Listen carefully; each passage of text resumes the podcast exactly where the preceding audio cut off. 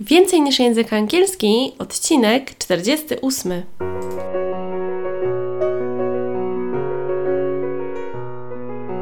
Witaj, nazywam się Ewa Ostarek i jestem trenerem języka angielskiego.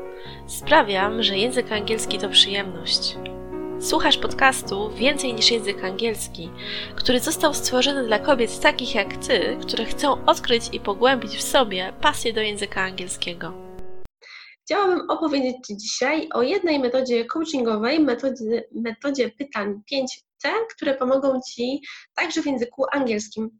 Ponieważ na sesjach językowych online, które prowadzę i w całej mojej pracy jako trener języka angielskiego, korzystam oczywiście z dydaktyki nauczania języka angielskiego, z takiego mojego własnego podejścia i mojej metody, ale także z elementów y, coachingu w edukacji i w tym materiale opowiem Ci o metodzie 5C.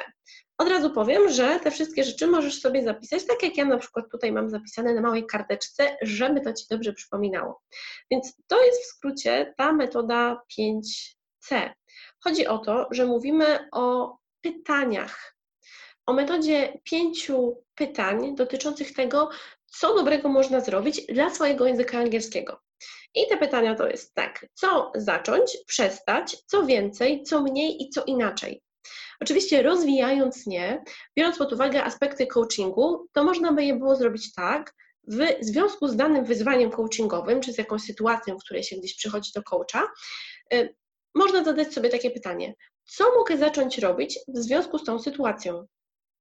I to genialnie można przełożyć na język angielski, ponieważ jeżeli chcesz zacząć swoją przygodę z językiem angielskim, to bardzo ważne jest też to, że oprócz koła życia, o którym pojawił się także e, osobny materiał, oprócz e, także aspektów związanych z wizją językową, bo to też jest bardzo ważne, mamy te pytania. I jak je można zrozumieć?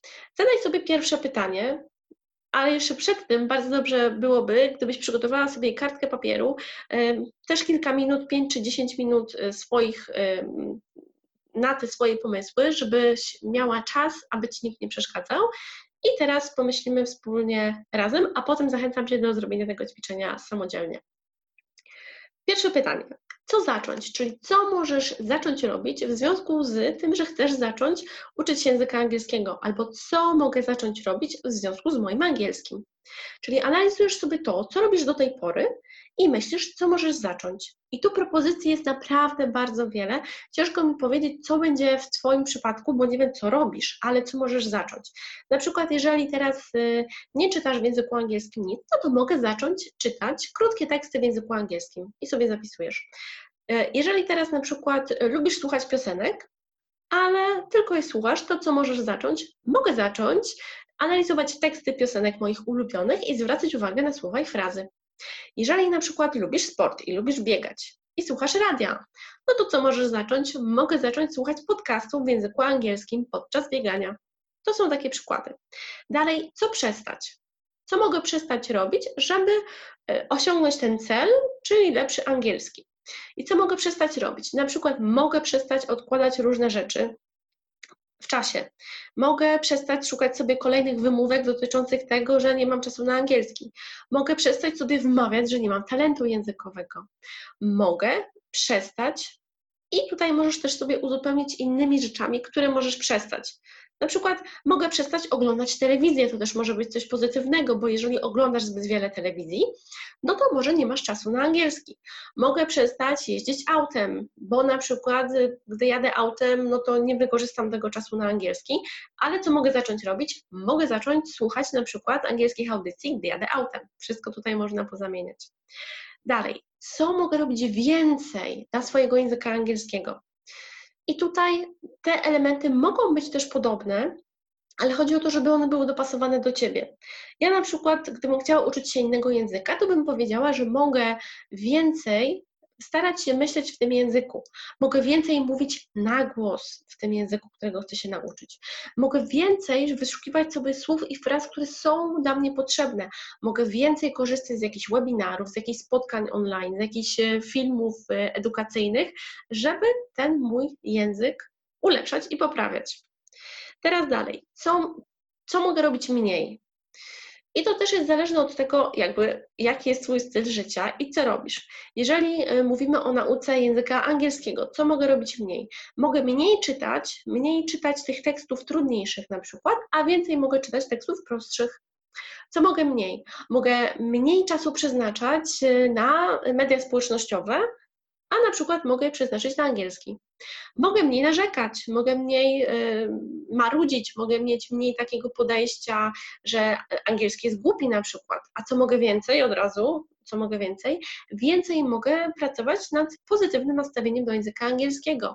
Mogę więcej słuchać afirmacji dotyczących języka angielskiego. Jeżeli lubisz afirmacje i chcesz ich spróbować, to ja także nagrałam dwa osobne filmy, y, takie których możesz posłuchać. I tam są afirmacje pomagające w nauce języka angielskiego, także zachęcam Cię do przetestowania tego rozwiązania.